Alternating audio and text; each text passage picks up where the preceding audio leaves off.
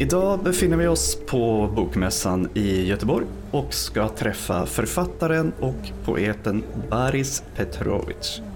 Han är en av författarna som fortfarande bor kvar i Belarus. Du lyssnar på Östpodden och det här avsnittet kommer till stor del att vara tolkat till svenska. Меня зовут Борис Петрович. Я редактор э, часописа «Диаслов», письменник, прозаик, поэт. Eh, Mitt namn är Boris Petrovic och jag är eh, redaktör för en litterär tidskrift som heter Diaslov. Eh, Jag är författare, poet, översättare. Utvecklingen i samband med presidentvalet i augusti 2020 satte mycket på sin spets i Belarus. Under månaderna som föregick valet tilltog repressionen. Sommaren kantades av offentliga möten och protester med hundratals gripna. Flera av de personerna som haft för avsikt att kandidera i valet underkändes av administrationen. Но за апошние два года ситуация в Беларуси абсолютно не поменялась. Eh, Under de gångna två åren har situationen i princip inte förändrats i Belarus. Alltså, varje dag vi läser om eller hör om eh, nya arresteringar eller nya domslut. Och eh, det är väldigt hårda fängelsestraff, väldigt långa fängelsestraff som man numera utdömer. Eh, Tre års i fängelse, åtta års i fängelse, tio års fängelse. Så man kan s- kanske säga att eh, situationen är ja, på sätt och vis till och med värre än det var för två år sedan. А, Супротив нашої організації, яку я означалював, Союз білоруських письменників, була Eh, Jag har varit ordförande för eh, Belarusiska oberoende författarförbundet och eh, staten öppnade ett brottsmål mot vår organisation eh, och inledde en unders- undersö- förundersökning. Förlåt. Eh, De genomförde husrannsakan på vårt eh, kontor och eh, också hemma hos mig. Eh, det resulterade i att eh, organisationen blev nedlagd. Eh, och eh, fortsatt, så, och det är därför som jag säger inte presenterar mig som ordförande i Författarförbundet längre.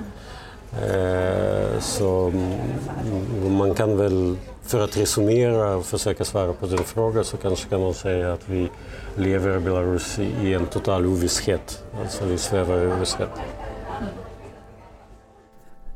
Även möjligheten att som författare nå ut till sin publik har blivit allt svårare. Ну, таким чином, як це було раніше, праз зустрічі з читачами, е, праз е, Eh, Man kan inte eh, träffa sina läsare längre. Alltså, det går inte att organisera eh, författarmöten. För att kunna göra det så måste man eh, få en särskild licens och då kan man inte få, det som enskild författare utan det är en organisation som måste ha den licensen. Eh, och det är bara de regimtrogna organisationer som får en sån här licens naturligtvis. Nästan alla eh, oberoende förlag eh, är nedlagda. Alltså de, det trycks i princip inga böcker på belarusiska längre i Belarus just nu. Eh, så det är generellt sett så ser det ut idag.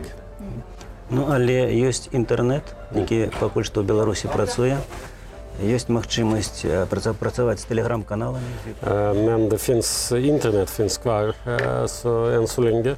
Så att man kan distribuera vissa saker via internet eller via sociala medier, precis som ni distribuerar det här.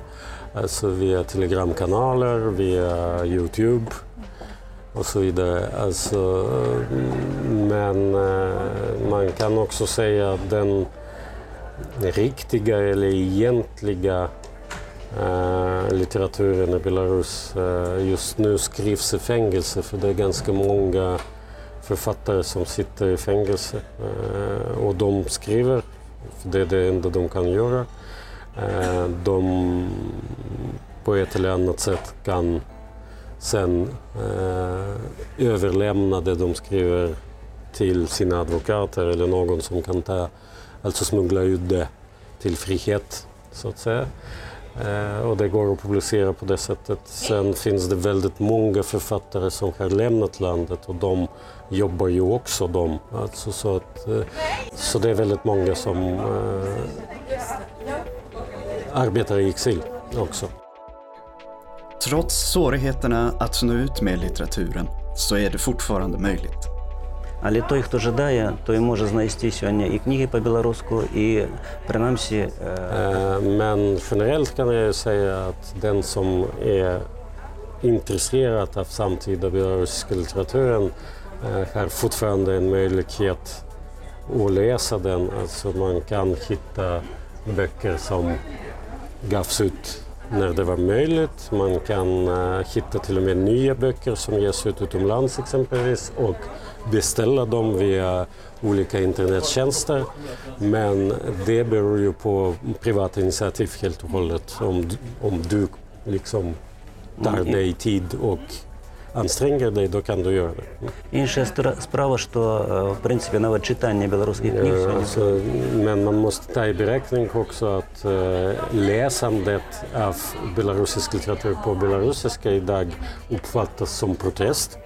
Och det, och det finns eh, flera fakta, alltså vid flera tillfällen har folk blivit arresterade för att de satt och läste belarusiska böcker offentligt, alltså på, på offentliga platser, alltså inte högt för sig själva, men de satt eh, ombord eh, på ett tunnelbane, tunnelbanetåg eller pendeltåg och läste och blev eh, arresterade för det. Och fick eh, i, i ett par fall, säger han, eh, fick till och med korta fängelsestraff, typ 15 dygn och sådär.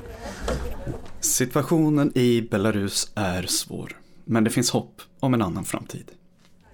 Ну, тим, тим і живу, живу надією, в принципі. І е, хочеться дожити до тих ліпших часов, звісно, хоча е, боюсь, що Eh, Det är ju det jag lever eh, av, så att säga, hoppet. Eh, Så jag vill ju eh, leva kvar tills situationen förändras till det bättre, men eh, jag vet inte om jag har så stora chanser att kunna göra det. Det vet vi inte. Ми сьогодні усі з надією сочимо за подіями в Україні і сподіваємося, що е, українці Vi alla vänder våra blickar mot Ukraina naturligtvis och vi hoppas att Ukraina kommer att vinna det eh, kriget och vilket mm, förhoppningsvis då kommer att leda till att eh, Putin och hans regim försvinner. Och försvinner Putin så försvinner Lukasjenko här. Han kommer inte att kunna sitta vid makten utan stöd från Moskva.